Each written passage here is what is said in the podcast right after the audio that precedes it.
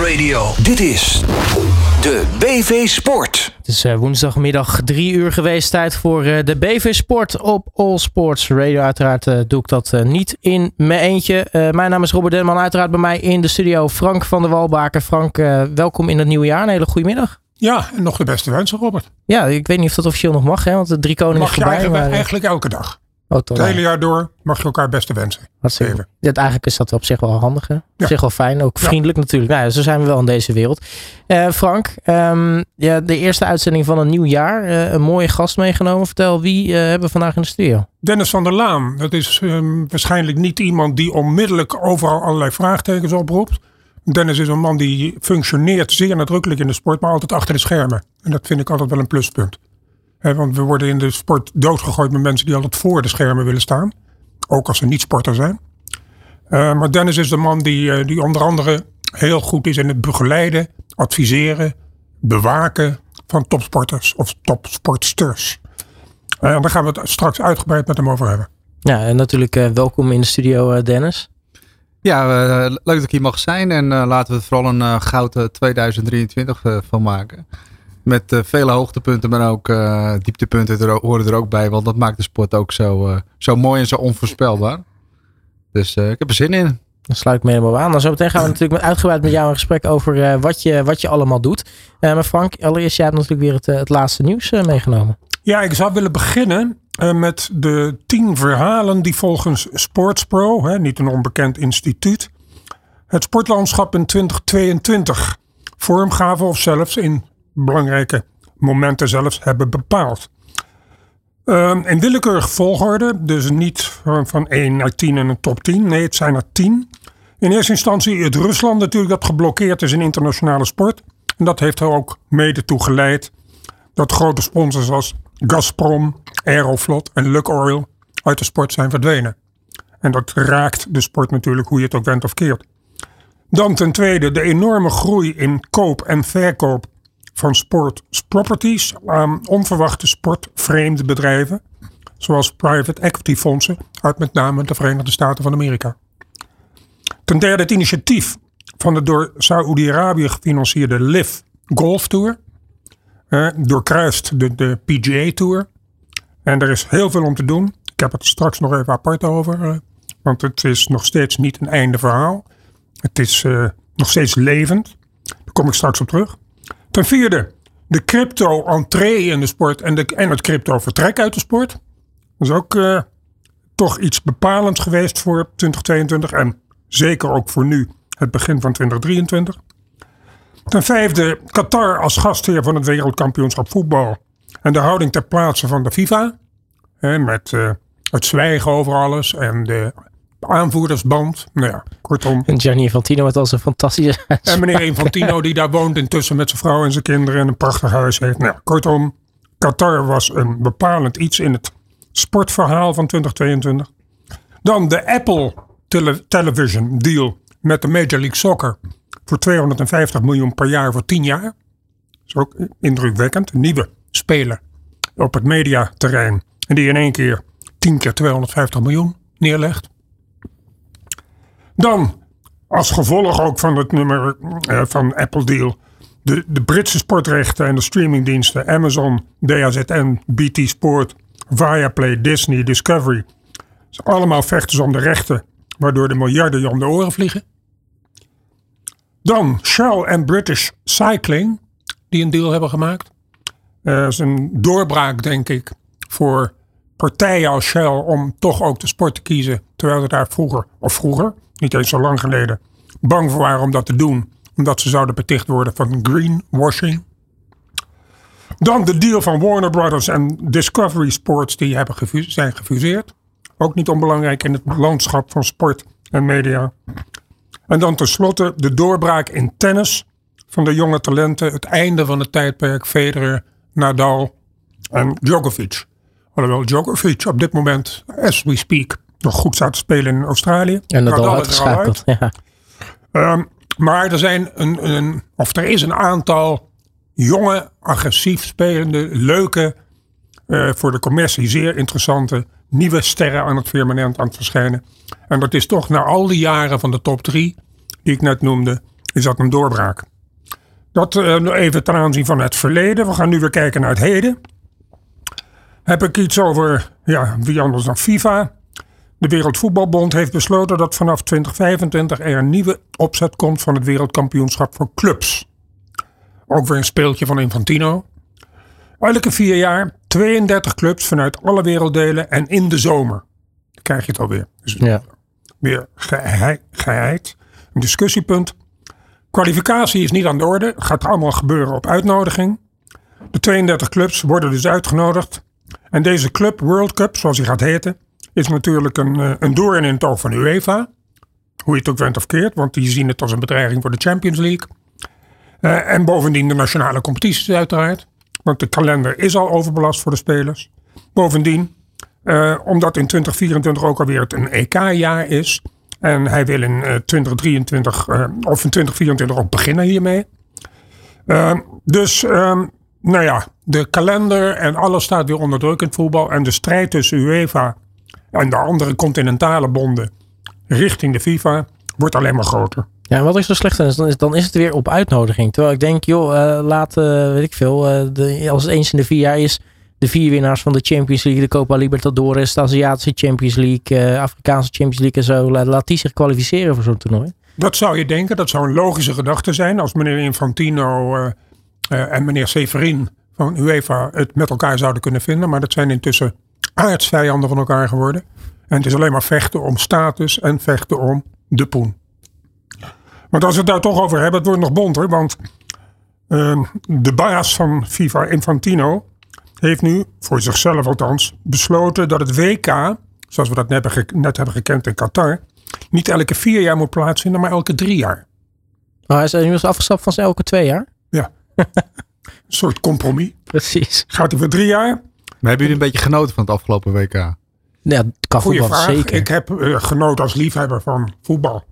En ik heb gekeken. Maar teg- tegelijkertijd permanent met me in, in gedachten. Wat is dit voor waanzin? Met tribunes vol met mensen die daar moeten zitten. Die ervoor worden betaald om te juichen. Die betaald worden om gele of rode of blauwe shirtjes aan te trekken.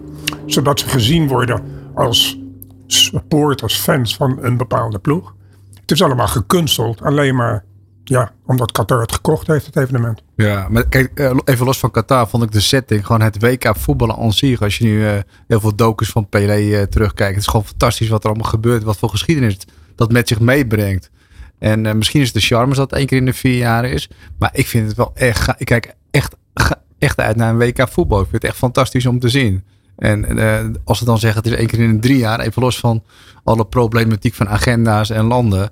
Ja, daar word ik wel enthousiast van op zich. Ja, en jullie? En wat ik eigenlijk ook nog wel vind, is, is, is het, ik vond het eigenlijk ook wel een, een verademing in de winter. Want je, je hoort, de spelers waren er enthousiast over, want eh, nou, ze, ze spelen dan toch al. Dus hè, ze, het levert ze wat meer rust op. Eh, je zag dat het misschien wel wat beter voetbal betekent eh, voor een hele hoop landen, voor een hele hoop spelers. Dus ik, ik, ik vond op zich het, het winteridee nog, misschien nog niet zo heel erg slecht. Nee, vond ik ook niet. Maar ik ben toch wel een aanhanger van minder is meer. Ik denk dat, dat, dat als je vanwege het succes en vanwege het geld, laten we wel zijn, toch weer af- afstand gaat doen van die vier jaar. Hetzelfde geldt voor de Olympische Spelen. Ik, ik vind dat juist ook weer een traditie. Ja, het heeft ook zijn charme. Maar misschien zou zo'n Europees kampioenschap dat wat. eh, want ik vond het, het internationale en het wereldkampioenschap. Ja, ik heb echt ontzettend genoten van al die wedstrijden. En zeker van alle spanning die, je die je bij komt kijken. Dat is natuurlijk gewoon geniaal.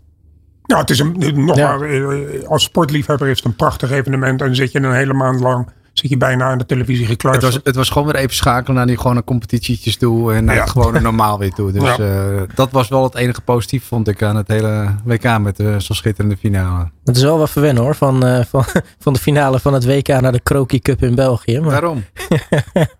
Overigens, dat wereldkampioenschap in Qatar, dat leverde 1,7 miljard dollar aan inkomsten, aan winst op voor FIFA. Zo. En het plafond is nog lang niet aangetikt, want in de nieuwe cyclus, 2023 tot 2026, eh, zit de eerste editie van het XL-WK, noem ik het maar even. Want er komen nu 48 landen in plaats van 32 landen in het komende WK. Nou, de pools van drie of zo. eh, Dat hebben ze nog niet, besloten, hoe ze dat gaan doen. En want als je pools van drie doet, dan kan je nooit meer op de laatste dag van de pool fase tegelijk wedstrijden spelen. Ja. Dus dan krijg je toch weer verschillende verschuivingssystemen. Maar de uitbreiding van het deelnemersveld leidt tot een uitermate gunstige schatting. Want FIFA schat dat het eh, wereldkampioenschap, het komende wereldkampioenschap, maar liefst 11 miljard inkomsten binnen te halen. 11 miljard voor één WK. Waar houdt het op? Waarschijnlijk bij iets hoger, ja. Ehm, wat al weken werd geroepen, ontkend en weer geroepen, is ehm, nu toch concreet geworden. Cristiano Ronaldo heeft getekend bij Al Nasser, een club uit de hoofdstad Riyadh van Saudi-Arabië. En die club die speelt in de top league van, eh, Saudi-Arabië. Hij tekende voor drie jaar voor 200, en- 200 miljoen. Onderdeel van de deal zou zijn dat hij tevens als gezicht en als ambassadeur gaat optreden in het bid van, voor het wereldkampioenschap 2030. Daar hebben we het weer. Te organiseren in Saudi-Arabië. Dus alle kritiek die we nu hebben gehad op Qatar, gaat ze weer herhalen voor Saudi-Arabië. En geen voetbalcultuur, en et cetera. Maar dat gaat nu niet meer lukken, denk ik. Wat denken jullie? Ik denk dat ehm, de wereld ehm, zal zich gaan verzetten. Nu in een eerder stadium. Want de wereld heeft wel beseft in het afgelopen WK met Qatar. Dat ze in 2010, toen werd besloten het wereldkampioenschap in Qatar te organiseren. Dat de wereld toen had moeten protesteren. En niet op het laatste moment. Want dan kan je dat niet meer terugdraaien. Ik denk dat die protesten wellicht nu eerder zullen gaan eh, komen. Waardoor het nog wel eventueel te herstellen is als er voor Saudi-Arabië wordt gekozen. Aan de andere kant, de keerzijde van de medaille. Ik denk dat Infantino, hem inmiddels een beetje kennende eh, in zijn gedrag. Dat hij alles in het werk zal stellen om naar Saudi-Arabië te gaan. Omdat dat voor de schatkist van de FIFA de beste keuze is. Ja, en laten we eerlijk zijn. Hè? Ik bedoel, de hele hoop problemen die we hebben natuurlijk eh, opgenoemd. eh, arbeidsmigratie, eh, de, de, de LHBTQ+, eh, in ieder geval letters een hoop. community die, die daar natuurlijk vol onder vuur ligt. Het zijn wel heel veel problemen die echt in de westerse wereld spelen. Dus weet je, je hebt in, in Noord-Amerika in mindere mate. Maar in Zuid-Amerika heb je het niet over gehoord. Afrikaanse landen heb je het niet over gehoord. Eh, Aziatische landen ook eigenlijk niet echt. Dus ik heb dan het idee van ja, hoeveel invloed gaat het dan hebben als, als alleen zeg maar het Westen zegt van ja, gaan we niet doen. Terwijl de rest van de wereld zoiets heeft van "Hm, ons maakt het niet zo gek voor uit. Nee, maar het is natuurlijk wel gebeurd wat daar gebeurd is. En ik denk dat iedereen, eh, de informatie is zo transparant wat er gedeeld wordt op social en hoe de wereld goed geïnformeerd is. Dus ik geloof nooit dat dit nog een keer gaat gebeuren. Dat, eh, eh, Ja, aan de dit- andere dit, kant. Gaat, dit gaat zich wel een goede kant op keren. Aan de andere kant, Ja. Dennis, ik denk dat als je voor 2010 had gezegd: het gaat nooit gebeuren dat het in Qatar zal plaatsvinden, wat iedereen dacht, is toch ook. Zeker, maar is het goed dat het een keer gebeurd is. Maar nu het een keer gebeurd is, denk ik dat het daarom niet zal gaan gebeuren. Ja. Wie, wie gaat die handen nog aanbranden? Want het leven is gewoon meer dan geld. Ja, dat, dat is het ook. Maar af en toe twijfel ik daaraan, met name in de voetbalwereld. Ja. Eh, en, en, en FIFA, eh, meneer Infantino, die na het vertrek van Blatter ehm, eh, riep om het hardst te pas en te onpas van ik ga FIFA ontdoen van corruptie en ik ga FIFA Ja. transparant maken. Nou, het is minder transparant dan ooit. En het is corrupter dan ooit. En meneer Infantino woont zelf in een riante villa in Qatar al een jaar. Met vrouwen en kinderen. De kinderen zitten daar op school. Terwijl hij basis van FIFA dat gevestigd is in Zwitserland. En hij is een Zwitser. Ja. Dus waar is de logica? Nergens. Misschien, kan het twee kanten op. Aan de ene kant, eh, eh, nee, zoals je zegt, hè, we hebben ervan geproefd. eh, misschien wil niemand zich er meer aan branden. Aan de andere kant, het toernooi is wat, wat voetbal betreft goed verlopen. Er zijn geen gekke dingen gebeurd. Dus dan is misschien Klopt. de, de, de drempel lager om, om het nu in, ook in Saudi-Arabië te organiseren. klopt. Klopt. En er, er is nog enige tijd te gaan voordat het plaatsvindt. Aan aan de andere kant is het wel zo traditie in, in ieder geval. Dat ongeveer zeven jaar voordat het WK plaatsvindt. Wordt de keuze gemaakt waar het moet zijn. Om het land de tijd te geven. Stadions te bouwen, et cetera, et cetera, et cetera. Dus dan zou je zeggen 2030. Het moet dit jaar worden beslist. Maar goed. Ehm, wat ik nog pikant vind in de constatering dat ehm, eh, Cristiano Ronaldo heeft getekend voor de club in eh, Saudi-Arabië en tevens ambassadeur is voor het WK-bid van 2030. Eh, hij is Portugees, zoals we allemaal weten. Ehm, Portugal is ook kandidaat voor het wereldkampioenschap. Dus dan krijg je een situatie dat hij, die zijn voetbalcarrière toch te danken heeft aan Portugal, waar hij bij Sporting is begonnen als speler. ehm, dat hij die nu volledig overboord zet en, voor veel geld ambassadeur gaat lopen spelen om dat wereldkampioenschap in Saudi-Arabië te laten plaatsvinden. Waardoor zijn geboorteland, zijn nationaliteitenland, want hij heeft nog steeds een Portugees paspoort, om dat uh, ja, terzijde te schuiven. En dat vind ik toch ook als je al honderden miljoenen bezit. Ja, ik had liever gezien dat hij terug zou zijn gegaan naar Portugal. En voor zijn sportingclub zou zijn gaan spelen. Zou hij als een held zijn ontvangen met open armen. En dan zou hij ontzettend gescoord hebben als hij zou hebben gezegd van... En hier ga ik nu voor de rest van mijn leven voor niets als ambassadeur voor deze club optreden. Maar goed, wie ben ik? Het is en blijft Ronaldo. Ja.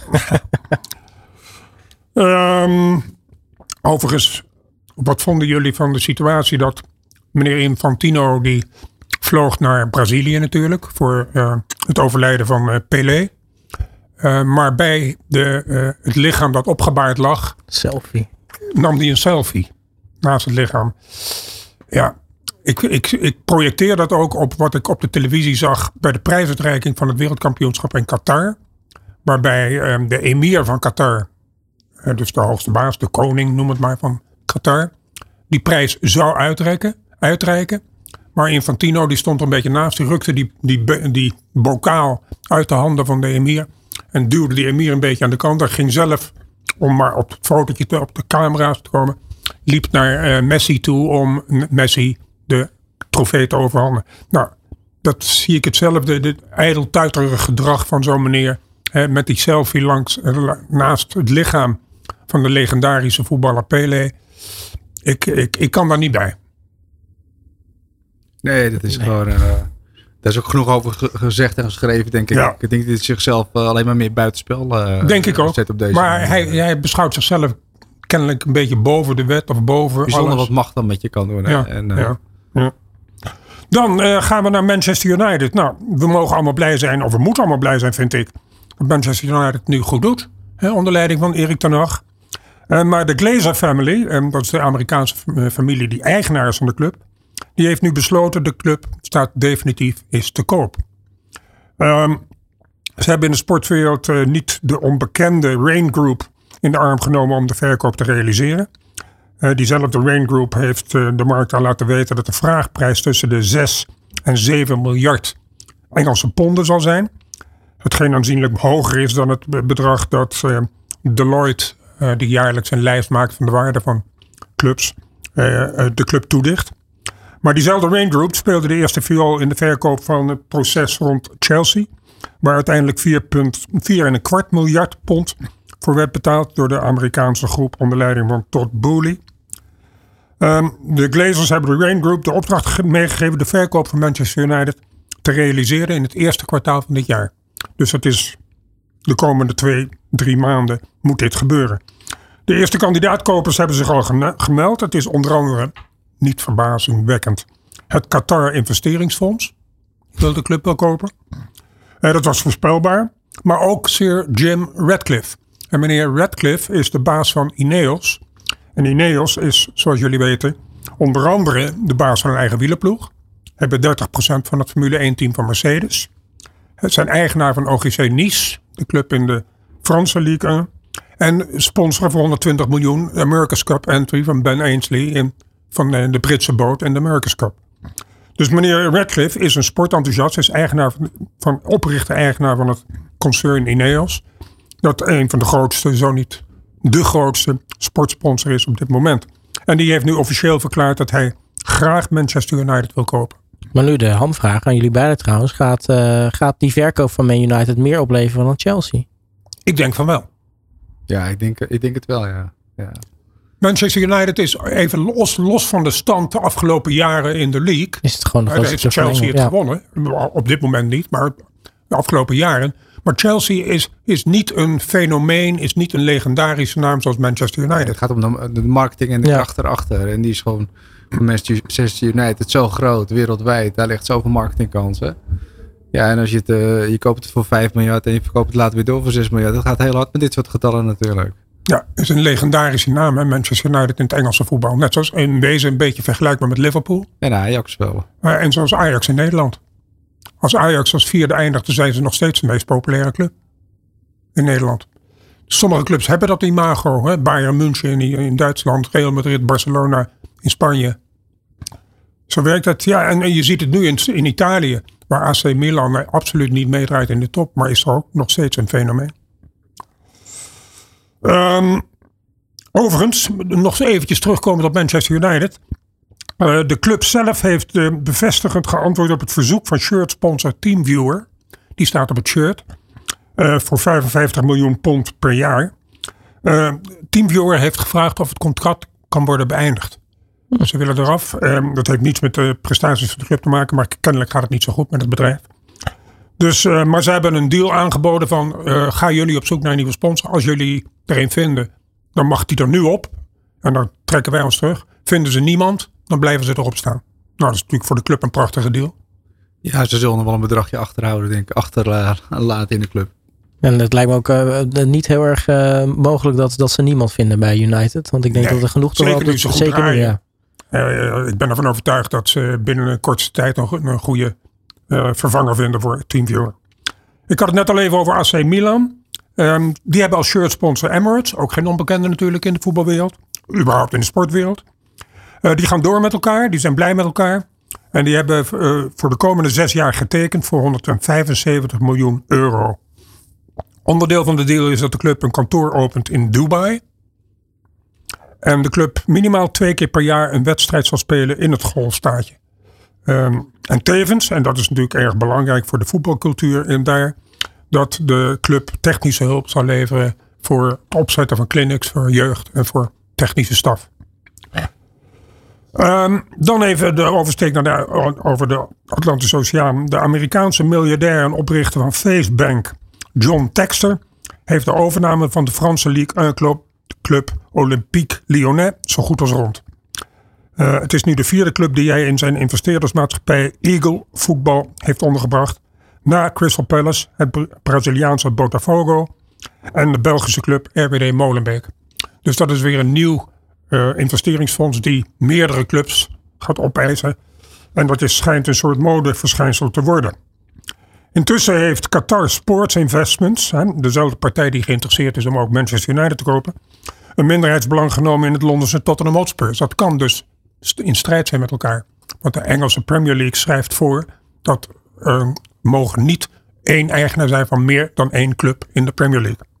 Maar goed, dat is een, uh, een verhaal dat op, ongetwijfeld zijn vervolg krijgt. Dan de Lift Tour heb ik, heb ik net al aangekondigd. Uh, we spraken hier al regelmatig over in de door Saudi-Arabië in het leven geroepen en gefinancierde Lift Golf Tour. Uh, diverse toppers werden met zakken vol geld verleid om deel te nemen aan die serie toernooien die enkele honderden miljoenen aan prijzengeld biedt. Uh, de gevestigde PGA Tour, de bestaande tour, was uh, begrijpelijk en voorspelbaar not amused. En uh, heeft gedreigd spelers die aan de Lift Tour deelnemen uit te sluiten van de PGA-toernooien. Die minder prijzengeld bieden dan de Lift Tour. Dus het is voor die spelers best moeilijk. Ja, en ze mochten nog iets van met sponsoren of zo zelf uitzoeken. Ja, en daar was kom ook, ik nu op. De, de, de, essentiële andere partijen, televisie en sponsors, blijken echt op dit moment niet direct staan te trappelen om deel te gaan nemen of in te stappen in die lifttour. Uh, waarbij met name opvalt dat de lifttour de televisierechten nu gratis aanbiedt. Oh. Ten einde maar hun sponsors te krijgen en ten einde aandacht te krijgen voor de lifttour. In sommige media wordt zelfs gesuggereerd dat de lifttour bereid is te betalen voor airtime. Nou, dan ga je je toch afvragen, wat gaat dat worden met die lifttour? Ja, maar de grootste kracht is wel, waar kiest die, de, de, de, de sporter voor? Sport, sporter ervoor kiest, dan ja. zal het spel uh, opeens uh, kunnen omdraaien. ja, ik. maar we moeten beseffen dat zonder televisie er geen sponsors komen. Maar dan kun je nog zeggen dat het PIF, Saudi-Arabië, heeft voldoende geld om dat te betalen. Maar de topspelers die gaan deelnemen of die de keuze gaan maken, die hebben privé-sponsors. En als die nu inschrijven voor de lifttour en er is geen garantie voor televisie, dan komen die spelers in, in de problemen met hun pri privé-sponsors. Dus dan kiezen ze waarschijnlijk toch voor de PGA Tour, waar ze zekerheid hebben van televisie en waar ze zekerheid kunnen hebben in de contracten die ze hebben privé met privé-sponsors. Dus het is een, schijvend, een schuivend veld hè, van verschillende belangen die elkaar op een gegeven moment gaan overtreffen. Ja, misschien het is beginnend. Uh, je weet ook nooit hoe het spel op een gegeven moment uh, kan veranderen. Het, uh, het onverwachte maakt het ook wel weer mooi, denk ik straks. Ja, ja tuurlijk op zichzelf is natuurlijk hoe je het ook bent of keert een bepaalde vorm van concurrentie, in, ook in de sport, in, in evenementen en toernooien, is niet verkeerd. Want dat uiteindelijk leidt dat hopelijk en wellicht tot betere sport. maar als het zo is dat een heel rijk fonds uit een bepaald land bereid is zelf te gaan betalen voor televisiezenders, dat zij de rechten krijgen, maar daar hoeven ze niet voor te betalen. Nee, ze krijgen geld bij. Geld mee. Dat vind ik wel een enigszins omgekeerde wereld. Maar goed, het is de realiteit. Dan iets wat er bij toevallig wel, of niet toevallig, wat mij heeft, ge, nou ik wil bijna zeggen, heeft verbaasd. Dat boksen als Olympische sport wordt mogelijk geschrapt. En dat is waarschijnlijk al in Parijs. Ja, dat is Aanstaande Spelen voor 2024. En dat is uh, ja, uh, geen, geen, geen goede zaak voor de sportboksen. Uh, ik kan me voorstellen dat er mensen zijn die tegen de sportboksen zijn. En ik kan me ook voorstellen dat er mensen zijn die zeggen: ja, we moeten boksen wel handhaven, maar we gaan de spelregels iets veranderen. maar het staat op dit moment ter discussie. En dat vind ik een ontwikkeling waar ik ja, voor de boksliefhebbers en voor de boxers zelf ja, maar zolang vind ik het toch een, een, kwalijke zaak. Maar zolang natuurlijk de, de echte grote sterren uit de bokswereld nog steeds niet deel mogen nemen aan zo'n Olympische Spelen, ja, dan trek je ook nog niet Je ziet de spelen natuurlijk wel veranderen. Aan de ene kant is het uh, dat het sneller moet en aantrekkelijker moet. Daarin zou de sport passen. Aan de andere kant zie je ook een stukje duurzaamheid. Uh, uh, ook qua lichaam en qua geest. En, het zijn natuurlijk geen gezonde sporten. En daar wordt denk ik ook nagekeken om het imago hoog te houden als het over sponsoring hebben, wat voor bedrijven daarachter zitten allemaal bij de Olympische Spelen. Dan zit daar ook het model. En dat zal de invloed van de bedrijven ook wel zijn geweest, denk ik, die daarop sturen. Ja, ik denk het wel. Want laten we wel zijn, als we de, alle sporten op een rijtje zetten, dan is boksen een van de sporten, zo niet de sport, die het minste sponsors aantrekt. De, de, de, de, de grote boxers verdienen hun geld met de uitzendrechten van de televisie. Daar komt het grote geld vandaan in de bokswereld. Niet van sponsors. Dus, dus, dus en, ik kan me voorstellen, in dat kader past het niet bij de Olympische Spelen. ik kan me voorstellen dat de sponsors van de Olympische Spelen druk hebben gezet op het IOC. Want moet boksen niet eens geschrapt worden? Want het zinloze op elkaars gezicht slaan. Zo zijn dan de woorden die gebruikt worden ja, in en deze de gevolgen die, er, die ervoor zijn. Voor de, uh, als je één tik krijgt in de kroeg, uh, kan het fataal zijn. En het is natuurlijk niet een imago wat past bij de Olympische Spelen. Exact. Even los om, om een oordeel te vellen over het boksen aan zich. Maar dat, bij de Olympische Spelen, bij dat merk past het niet uh, nee. daarin. Nee. Ja, plus het is natuurlijk een ander soort boksen. Je is boksen daar natuurlijk gewoon met bescherming uh, op de Olympische Spelen. En, ja. en, als je een andere bokswedstrijd ziet, is het natuurlijk alleen de handschoenen. Klopt, klopt. Goed, ten slotte nog even zoals gebruikelijk, uh, Robert. Aan het eind iets over de Formule 1.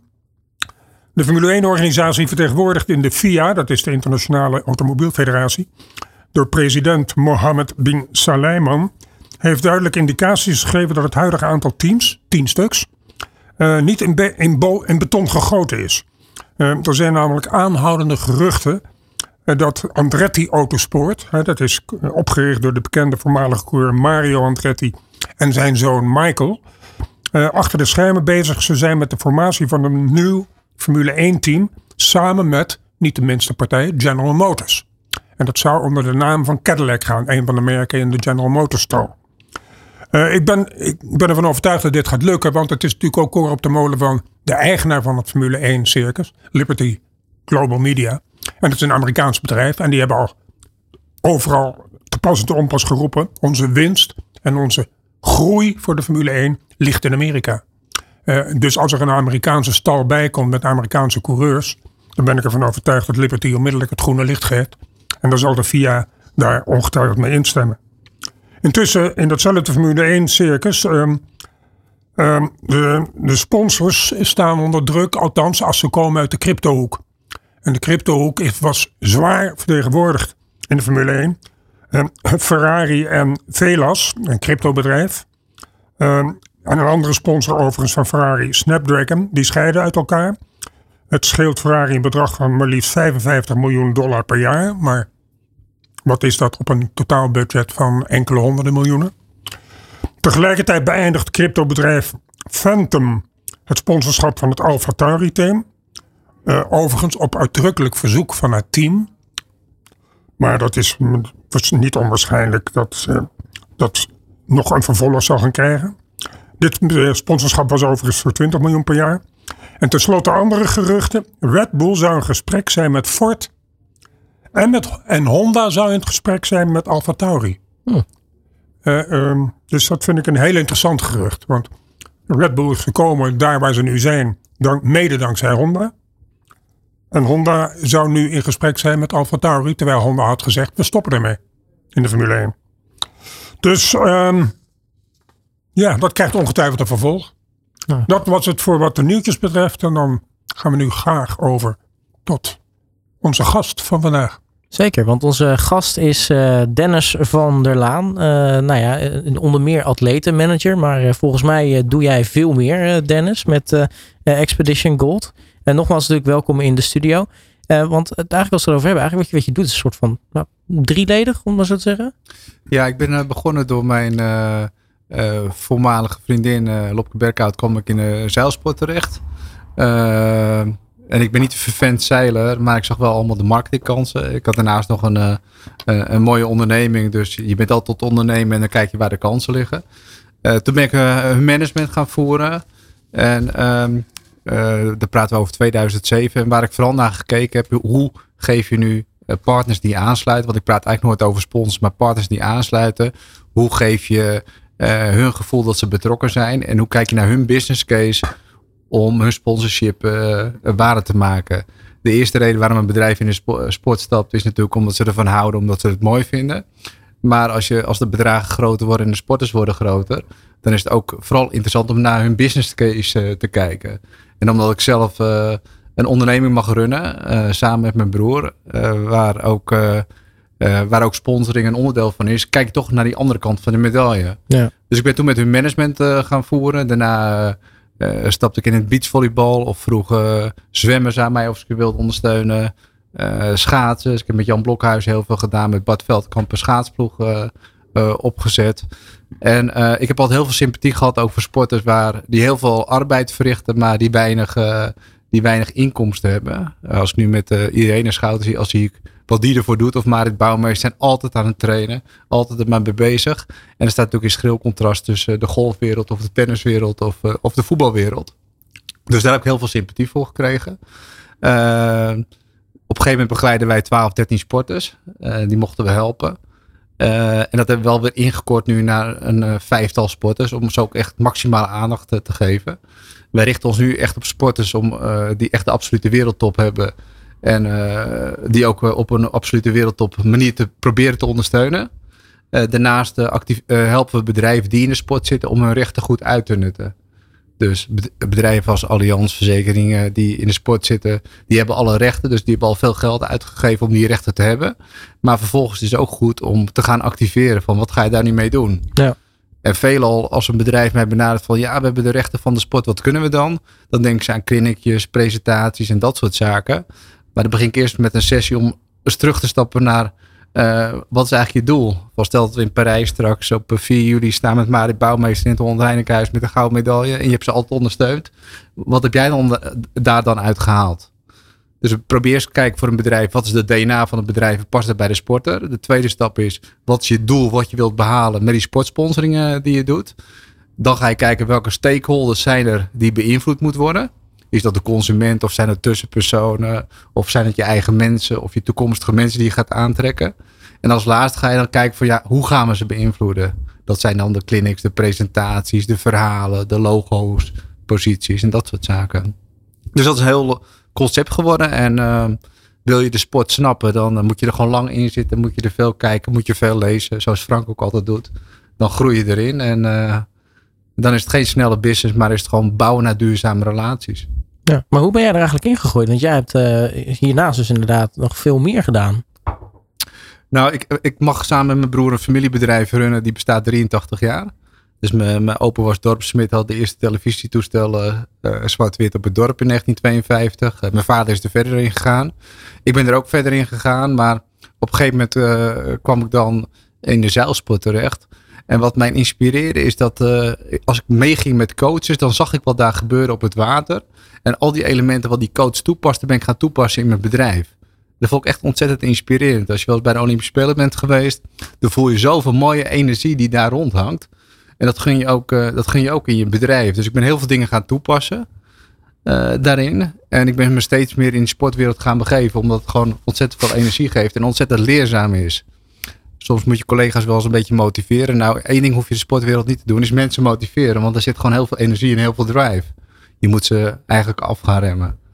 Dus we zijn inmiddels al gespecialiseerd in uh, het begeleiden van atleten. Als Irene Schout of Marit Bouwmeester of Sander, Sandra Velzenboer is nu bij ons aangesloten. En we proberen ne uh, Nick de Vries in Nederland te, te, ondersteunen. Ja, dat is gewoon heel gaaf om in dat soort trajecten te zitten. Is er, is er een verschil, uh, en zo ja wat, in begeleiden, in adviseren, in ondersteunen? Tussen? Is, daar, is, is dat één hoop? Is dat altijd hetzelfde? Doe je dat? Of zijn er bepaalde atleten waar je van zegt, die ondersteun ik alleen en die begeleid ik alleen? Of is het allemaal één pot nat? Nou, kijk, het belangrijkste is dat je gewoon, uh, elke sporter is uniek. Elke sporter heeft zijn eigen DNA. En eigenlijk uh, uh, het woord managen ook niet, want er ontstaan gewoon vriendschappen. En pas als er een vriendschap ontstaat tussen jou en de sporter, dan heb je een goede basis om goed samen te werken. Want het zit niet in de sponsor binnenhalen. Het zit er meer in. Ja, het gaat niet zo lekker. Of uh, ik heb pech. Kan je me helpen? Kan je me ondersteunen? Er komt veel meer bij kijken. Daarnaast is tegenwoordig dat de sporter het ook moet verdienen op basis van zijn merk. Dus je moet een merk bouwen van een sporter. Elke sporter is uniek. Of ik Irene Schouten nu zou nemen. Of Sandra Velsboer of Marit Bouwmeester. Wat past bij ze? En het is ook welke partijen uh, passen bij die sporter. Dus je gaat er eerst gesprekken over voeren. We, doen wel eens distesten als profiel van wat voor type sporter is het.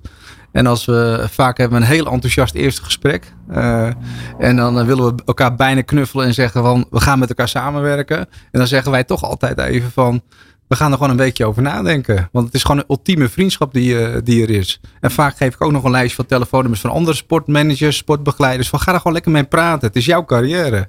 Het gaat niet om ons, het gaat om jouw carrière. En dat moet de mooiste carrière worden. Je verdient de beste uh, uh, athlete manager die er is in deze, in deze wereld. Dus ga daarna op zoek en ga die gesprekken ook voeren. Nou, hopelijk komen ze dan terug. dat nou, Dennis, de, je hebt natuurlijk te maken, kijk, de grootste sport in, in ons land en eigenlijk over de hele wereld is voetbal. En daar lopen in het voetbal, gaat het om enorme bedragen, dus lopen er heel veel voetbalmakelaars, noem ik ze maar even, rond. Die pretenderen, wat jij nu vertelt, ook te doen. Heb jij nou last van dat toch enigszins, en dan zeg ik het voorzichtig, aangetaste imago van die voetbalmakelaars? Nee, totaal niet. Kijk, in basis, en een sporter voelt dat ook wel zo, is dat, dat wat, wat, is je, wat is je reden dat je dit doet? En onze reden is niet dat we dit doen om geld te verdienen, want dan zouden we beter andere dingen kunnen doen of echt in de voetbal kunnen zitten. Dus atleten waar wij mee werken, die voelen wel van hier zit liefde. En wij zoeken ook echt de liefde, dat is het vertrekpunt in de samenwerking die je, die je hebt. Ik heb wel een paar goede sports op me afgekregen. Dacht van nou, hier zit een goede business case. Hier kunnen we veel sponsors op binnenhalen. Maar toch doen we het niet omdat ik niet de chemie voel. En dat gun ik die sporter ook niet. En dat gun ik onszelf ook niet. Kijk, de voetbalwereld is gewoon totaal anders. Want een voetballer die wil gewoon een vet contract hebben. Voor de rest geen gezeur. Dus die makelaar is gericht op dat vet contract binnenhalen en geen gezeur. Die denkt niet aan loopbaanplanning, die denkt niet aan financiën, die denkt niet wat ga ik na mijn carrière doen of uh, moeten nog andere zaken goed geregeld worden, Waar waarin ga ik investeren met mijn, uh, met, mijn geld wat ik verdien. Dat gebeurt veelal niet, want er worden gewoon goede deals gesloten en de, de voetballer wordt rijk en de makelaar wordt rijk. Dat is gewoon een hele andere businessmodel, dat is heel snel. Wij zitten in een totaal andere business. Maar moet ik hieruit concluderen dat jij ook als de gelegenheid gelegenheid zich zou voordoen dat jij niet geïnteresseerd bent om een voetballer te begeleiden? Nou, het grappige is dat een aantal voetbalmakelaars wel bij ons langskomen, omdat hun model was vroeger gebaseerd op een contract sluiten bij een club. En die komen nu bij ons omdat ze zien dat wij heel veel moeite doen om te kijken van wie is die persoon. En uh, wij hebben een model ontwikkeld dat een sporter door vijf fases gaat. De eerste fase is het talent. Hè? Dat je zegt van nou, die gaat het laten worden. Nou, 9 van de 10 keer wordt dat hem niet. Hè? De tweede fase is, nou, die klopt aan op de wereldtop. Hè? Sandra Velzenboer, die heeft een keer goud gepakt. Dat is al wereldtop, maar die klopt erop aan en die blijft er hangen. De andere is de Suzanne Schulte, fase 3. Elke keer goud, goud, goud, goud. De volgende fase is Marit Bouwmeester die zegt, ik ga het nog doen tot Parijs en dan ga ik ermee stoppen. De laatste fase. En de vijfde fase is dat ze een maatschappelijke carrière hebben. Maar met fase 5 is bijna niemand bezig. Terwijl wij vinden dat in de eerste fase moet je niet bezig zijn met geld. Sandra Velzenboer moet gewoon keihard gaan schaatsen, prijzen winnen, zich doorontwikkelen. Uh, eens een keer een tegenslag hebben op een EK. Daar proberen van te leren, zodat ze goud in Milaan kan pakken. En, uh, maar de bouwmeester in fase 4 die zegt: Ik vind het echt ontzettend leuk om een presentatie te geven. Die raakt helemaal klaar voor het bedrijfsleven. Dus het is gewoon heel mooi om zo'n sporter op die manier daar doorheen te leiden. Nu krijgen we eens voetbalmakelaars op ons af die zeggen: ja, dat model van een merk bouwen, loopbaanbegeleiding, dat zit zo sterk bij jullie. Uh, zouden we het ook bij die voetballen kunnen doen om onderscheidend vermogen te kunnen geven om in de voetbalwereld actief te kunnen zijn. Dus ik zou ook wel in de voetbalwereld actief kunnen zijn. Alleen ik heb geen zin als iemand zijn motivatie alleen geld is. Ik heb er ook geen zin in om elke week uh, uren langs de lijn uh, te laten lopen. Ik vind het heel leuk om een persoon al verder te helpen. Dus ik zie, ik zie meer een samenwerking die mij zouden kunnen aangaan om, om dit te ondersteunen. Dan dat wij echt uh, puur de snelle business zouden gaan doen. Komen ehm, potentiële klanten of nieuwe klanten, komen die naar jullie toe of ga je op acquisitiepad? heb je het over eh, bedrijven of over nee, sporters? Als, als ik het heb over individuele atleten, sporters. Ja, kijk, als je op de netwerken komt, de sportgala's of je gaat bij wedstrijden kijken. de grootste kracht is eigenlijk dat iemand naar je toe komt. En dat gaat altijd via via. Dus ik geloof er altijd in dat je gewoon het elke dag beter moet doen dan de dag ervoor. Ook in je atletenmanagement. En ik stel vraag, heel vaak de vraag aan iedereen, ben je nog tevreden? Ja, ik ben tevreden. Ik zeg, nou, dat is niet goed genoeg. Want we willen dat je enthousiast bent. Ben je nog enthousiast? Dat is wat we eruit willen halen. En ik denk dat de grootste reclame is als iedereen enthousiast is en die ziet wat er gebeurt, dan gaat het wel binnen het hele veld. Want mensen kijken ook naar haar, bij wie zit zij? En hoe pak je dat aan? Dus ik geloof gewoon in dat uh, kwaliteit kost tijd en dat dat, uh, dat dat vanzelf ook een klein beetje op je afkomt. Uh, maar je moet wel de kansen pakken die er zijn. Dus je moet wel aanwezig zijn en je moet wel laten zien wat je doet. Kies je doelbewust voor bepaalde sporten en wel en bepaalde sporten niet? Of is dat je nou, het leuke is dat wij zijn inmiddels een bedrijf waar, waar we met z'n 4,5, 5 mensen werken. En daar zitten echte sportgekken in die alle tijden uit, uit hun hoofd weten. En dat dag en nacht volgen. en ik zit er meer zo in dat ik echt naar die business case kijk van hey, wie is die persoon? Dan kan ik die persoon verder helpen. En dan als je de sport op, op die andere manier volgt, dan krijg je daar sympathie voor bepaalde sporters. En uh, het blijft allemaal mensenwerk. Het is heel leuk om te zien wie is die persoon. En dan probeer ik ook te kijken van met wat wij zouden kunnen, zouden die sporter ook verder kunnen helpen in hun carrière? Kunnen we daar iets van maken? En datzelfde voor bedrijven. Ja, kies je voor corporates als, uh, als partner, dan weet je dat je dat je er heel veel schijven moet gaan, dat je heel veel goedkeuring moet hebben. Maar als je eenmaal binnen zit, dan gaat het lopen. Terwijl ik ook wel heel gecharmeerd ben van ondernemers die best wel groot zijn. Hè? Bijvoorbeeld uh, uh, bedrijven waar de eigenaar ook nog zelf aan het roer staat. Daar kun je hele snelle, kan je inspelen op de actualiteit. Kun je gewoon heel veel leuke dingen mee maken. Dat hebben we bijvoorbeeld bij OG. Die stapt nu in het schaatsen bij Irene Schouten. Ja, je, je belt met hem en er gebeurt, er gebeurt van alles. Dat is gewoon een hele flitsende onderneming. Ja, dat is ook een beetje waar je, waar je naar zoekt. Als ik het nog even over jouw klanten heb, dan heb ik het met name weer over de individuele atleten, de individuele sporters. Um, op Nick de Vries na, daar ga ik het zo nog even met je over hebben. Zijn het allemaal vrouwen? Is dat uh, toevallig of is dat doelbewust? Nou, dat is heel toevallig. Uh, Brouw Meers, de, de beachvolleyballers, zaten ook bij ons. En wij proberen gewoon een hecht team te maken. We proberen ze ook met elkaar te leren en te kijken. Dus als er een sport erbij komt, dan vragen we ook in de groep van... Uh, past die hier ook bij? Uh, voor coronaperiode deden we elk jaar een Hallo, uh, Hallo 2019, Hallo 2020 event organiseerden we. in Huis te Duin, ook samen met Huis te Duin. En die groep was ook gewoon heel hecht met elkaar. Dus gewoon, je voelt gewoon dat het een familie is. En dat, dat vinden we heel belangrijk. En we zijn wel links en rechts aan het kijken welke sporters erbij komen. Maar als we naar de afgelopen medaillespiegel van de Olympische Spelen kijken, zijn het wel heel veel vrouwen die, uh, die steeds de prijzen pakken. Maar we hebben jaren met uh, de beachvolleyballers Brouw Meersen gewerkt. Met Nick de Vries mogen we werken. We ondersteunen op de achtergrond ook nog een aantal mannelijke sporten. Is het terugkomend op Nick de Vries, is dat een tweede max? Nou, hij is gewoon heel anders. En in de gesprekken die wij voeren, dan ja, je moet het ook niet vergelijken met elkaar. En ik denk dat het voor Nederland ook heel leuk is dat er een tweede coureur bij is gekomen. En ik vind het ook leuk dat, dat hij totaal anders is. En het is heel leuk om het merk Nick de Vries. Ja, dat, dat, dat, als ik mensen hoor praten over hem, wat ze van hem vinden of hoe ze tegen hem aankijken, is heel anders dan, dan hij echt is. Het is een hele charmante, super slimme, uh, schaken. Het is gewoon een, echt een topatleet die, uh, die heel ver gaat komen. En dat heeft hij al bewezen natuurlijk, anders zit je niet in het stoeltje. Maar Nick de Vries is een hele bijzondere jongen. En uh, wordt tijd dat Nederland hem gaat ontdekken wie hij echt is. Hij heeft nu een contract getekend met Alfa Tauri, het tweede team van, eigenlijk van Red Bull. Dus hij zit eigenlijk al in dezelfde stal als Max. Ga je daar nog, als je het hebt over merkbouw, Nick de Vries, ga je daar een voordeel uithalen? Dat hij dus eigenlijk een beetje gekoppeld is aan Max? Nou, kijk, we zitten nu. Uh, we hebben vanaf 2017 hebben we Nick ondersteund. Uh, heeft, uh, hij zegt: Ik wil geen echte manager. Ik wil het gewoon allemaal zelf bepalen. En zijn vader had er ook een hele belangrijke rol in. nog steeds.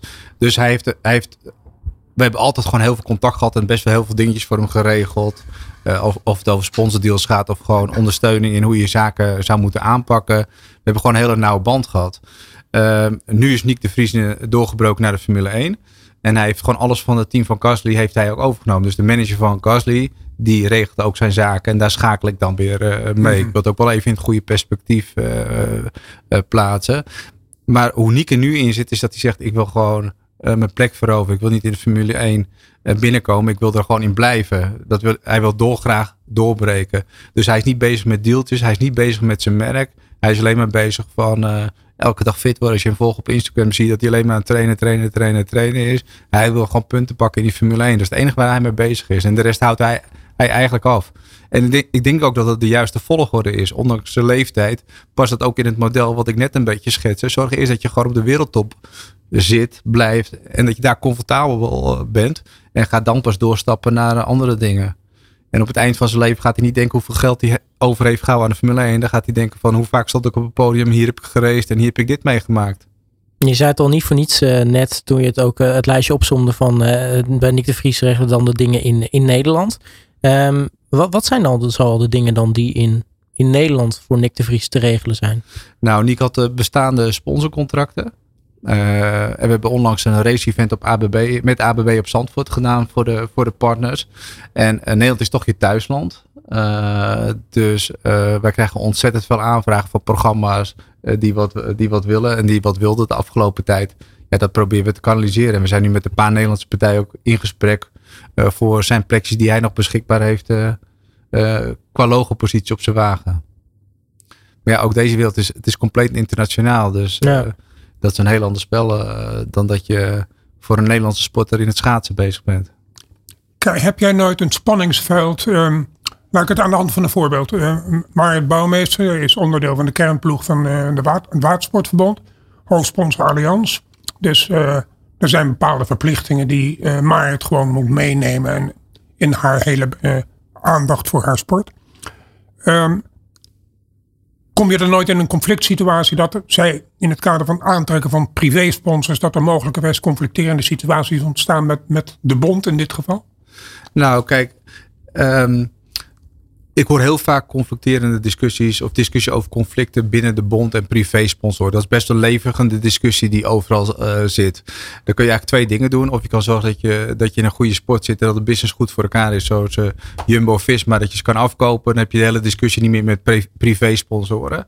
Dus betaal de schaatsers goed. Zorg dat, de logo, dat het afgekocht is. En dat kan bij een professionele club. Je ziet bij andere teams uh, met minder budget, bijvoorbeeld Zaanlander, dat ze om Irene Schout ook uh, haar waarde van drie keer Olympisch goud te kunnen verzilveren ook ruimte geven voor privé-sponsoren. En dat kan tot heel veel conflicten leiden. Maar als je goed blijft communiceren en als je het goed blijft afstemmen, dan heb je eigenlijk alleen maar een win-win situaties. Dus hoe meer, uh, hoe meer bedrijven in de zeilsport stappen, hoe beter dat is voor de zeilsport. Dus als, als je je eigen belang een beetje kan loslaten voor iedereen dat kunt overstijgen, dan kom je het verste. Kijk, belangrijk is wel dat we wel partijen blijven zoeken die echt de sport kunnen verrijken en die ook een toevoeging zijn. Dus uh, als ik met Marit kijk, hebben we best wel veel aanbiedingen gehad van bedrijven die heel graag haar wilden omarmen, maar die pasten niet bij Marit. Want dan kun je wel een sponsordeal hebben waar je geld krijgt, maar gaat die ook activeren? Wat wel goed is, uh, hè, past dat bedrijf qua imago bij hoe jij in elkaar steekt? En dat is natuurlijk wel iets waar je naartoe moet zoeken. En als je die bedrijven wel weet te vinden, dus Marit haar privé sponsor, is uh, Evi van Landschot. En uh, Allianz is hoofdsponsor. Ja, die kunnen elkaar perfect versterken. Want nu gaat Allianz gaat, activeren en Evi van Landschot gaat activeren. Ja, dus dat is ontzettend goed voor beide bedrijven. Dat is goed voor de watersport en dat is goed voor Marit Bouwmeester. En hoe werkt het dan? Is zo'n Evie van Landschoten, is dat dan puur omdat ze Marit willen? Of uh, speelt het ook een rol dat zij in het zeilen zit?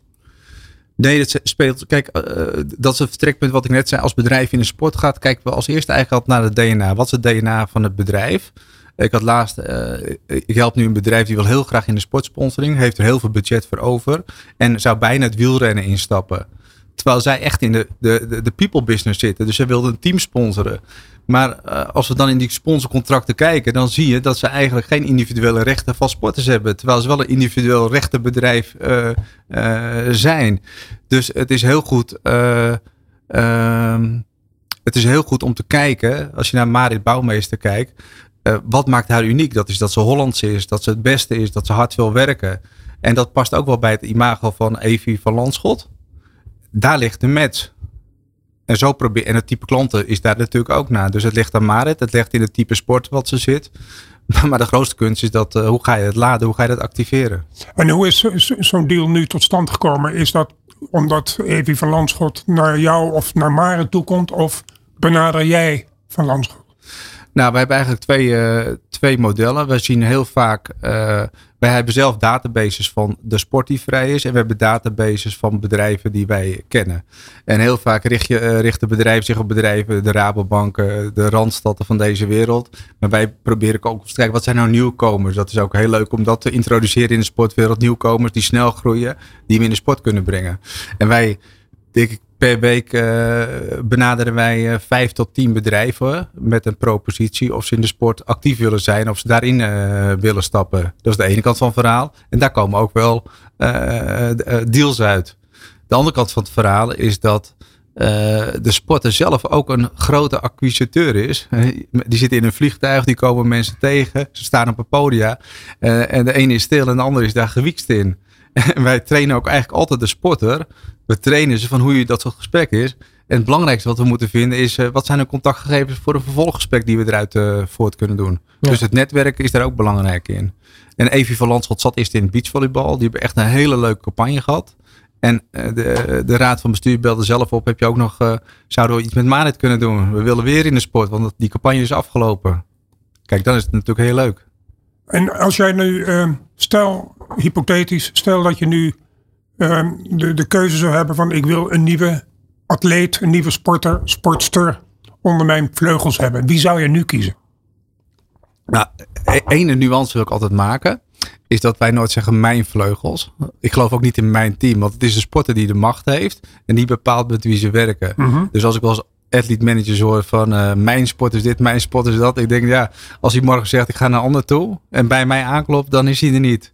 Dus dat vind ik wel een hele belangrijke. Uh, om die nuance te zien. Ik, ik, zie echt wat onze rol is. Onze rol is voor bedrijven om te helpen. Je zit in de sport, hoe kun je het uitnutten? En onze rol voor de atleet is, hoe kunnen we jou een optimale carrière geven die helemaal op maat gesneden is, die helemaal bij je past. En er horen ook bedrijven bij die bij jou passen. Maar als je of terugkomend op je vraag, wat zijn atleten die. Uh, die je graag in, in, in, jouw stal zou willen hebben? Ja, ja, ja. ik, vind, ik, ik, ik, wil er eigenlijk geen uitspraak over doen. Begrijp kijk, ik. want dat is natuurlijk een lastig verhaal. Ja. Maar wat wij, uh, uh, om aan te geven hoe, hoe we denken, is dat je wel een doorsnijding maakt van sporters. Dus sportschaatsen, shorttrekken. En dan atleten wie in die sport zitten. En dan kijk je naar het social media gedeelte van hoeveel volgers zitten erin. Want of Sven nu acht of negen keer wereldkampioen allround geworden is, uh, dat is natuurlijk bijzonder knap. Het is een legend. Maar zijn businessmodel zat wel weer in hoeveel volgers heb je. En, Train je ook in social media uh, aanpak? Ja, zeker. zeker. En uh, ik heb een heel mooi bord uh, staan. Uh, die bestaat uit vier kwadranten. En als we met de sporter aan de slag gaan, dan vraag ik ze om hun naam op dat briefje te schrijven en in een van die kwadranten te plakken. En het ene kwadrant is, ik vind social media niet leuk en ook niet belangrijk. misschien een beetje een voorbeeld van, denk je? Van sporters die dat vinden? Ja, als je de, die zijn er, zijn er bij borstjes, denk ik. Ja, die het niet belangrijk vinden. Ja. En, en die het ook niet leuk vinden. Bergsma. Ja, Jorrit Bergsma is daar een voorbeeld van. Maar dat is lekker, want hij vindt het niet belangrijk. En uh, uh, die kan gewoon het helemaal loslaten. Hoeft niet te posten, hoeft, hoeft over de druk niet op te voeren. Dan heb je sporters die het wel eh, die het niet leuk vinden om te doen. Die weten niet wat voor tekstjes ze moeten maken. Vinden het heel moeilijk om een fotootje te maken. Maar zien wel dat het belangrijk is eh, in de sport. En die moet je echt helpen. En dan heb je de categorie die het heel leuk vindt om te doen. En die het ook belangrijk vinden. En die maken hun businessmodel ervan. Als het een Pukmon is of een, een Jutta. Daar gaat het gewoon heel hard. En dat, je voelt gewoon dat ze het zelf doen. Of dat ze geholpen worden. Maar wel dat ze het leuk vinden. En er zijn er ook atleten die het wel heel erg leuk vinden. Maar het niet belangrijk vinden? ja, dat zijn, dat zijn meer, uh, ik wil geen BSC, ja, die, die nog niet echt aan de top zitten. Nee. Ja, dat kom je wel tegen. Maar hier zit, hier zit wel het spel. En daar moet je gewoon. Uh, we hebben net met Allianz, met de hele kern, uh, met de zeilploeg, hebben we ook al twee sessies gehad. Eerst om te kijken welke categorie ze zitten en om te kijken of we ze kunnen helpen. Maar ik vind wel dat het echt vanuit die sporter zelf moet komen. En er zijn zoveel verhalen die je kunt maken. Uh, maar dit hoort wel bij hun businessmodel. Laatste vraag, ehm, Dennis. Wil je ook internationaal gaan? Nou, ik heb met Nick de Vries uh, diverse keren uh, daar aangeroken om dat uh, zo, te, zo te, te doen. Met diverse partijen in de slag gegaan. maar nogmaals, dan ga ik terug naar het begin. Onze drijfveren zijn ook om sporters te helpen die, die nog niet zo ver zijn. Of die het wel ontzettend verdienen. Als ik nou Irene Schouten neem, ja, die verdient gewoon maximale aandacht. En ik vind het heel leuk dat onze DNA en karakters heel goed bij elkaar passen. En dan hoefde ik niet per se internationaal. Ik zat er niet om te wachten om uh, de hele wereld over te vliegen. Achter Nick de Vries aan of achter andere. Als hij dat zou willen, hè, laat dat even vooropstellen. Om dat te doen. Maar ik vind het wel gewoon gaaf om impact te maken in de Nederlandse sportmarkt. Dennis, ontzettend veel dank dat je bij ons bent geweest. Je ziet hoe snel um, dingen gaan. Time flies when you're having fun. We zouden nog een uur door kunnen gaan, denk ik. Zeker, zeker. Dus um, we gaan je nog een keer uitnodigen in de toekomst. Nou, hartstikke leuk om hier te, aanwezig te zijn. Leuk programma en uh, heel veel succes met alles. Ja, Dennis, dankjewel voor je komst naar de studio. Frank, jij natuurlijk ook weer bedankt uh, voor uh, alle info die je hebt meegebracht. Volgende maand zijn we weer. Heb je dan een beetje een, een, tipje van de sluier die kan oplichten? Nee, nee, ik zou het best willen, maar ik heb, nog, ik heb een paar ijzers in het vuur, maar er is nog niets toegezegd. Dus. Anders mag je me bellen, hè? ja. Dan gaan we gewoon uur twee gaan we gewoon door. nou, in ieder geval wordt het, uh, wordt het heel spannend. Uh, nou, volgende maand zijn we dan dus weer met de BV Sport. Dus ik zou uh, alvast zeggen tot, tot dan. Dag. Dit is de BV Sport.